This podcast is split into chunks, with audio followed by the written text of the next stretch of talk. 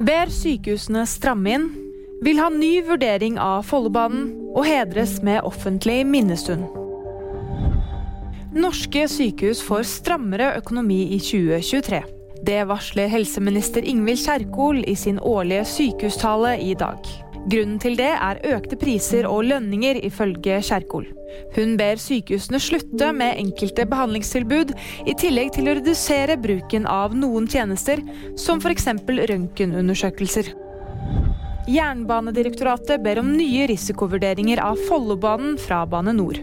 Det er varslet at gjenåpningen av Follobanen vil skje tidligst 1.2. Jernbanedirektoratet sier det er viktig at de avdekker eventuelle feil og mangler nå, så de slipper å utsette gjenåpningen.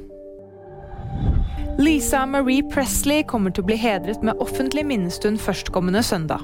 Det melder flere amerikanske medier. Presley døde 12.1 etter at hun fikk hjertestans. Hun skal begraves ved sin far Elvis Presley på Graceland. Og VG-nyheter de fikk du av meg, Fride Rivø Lie.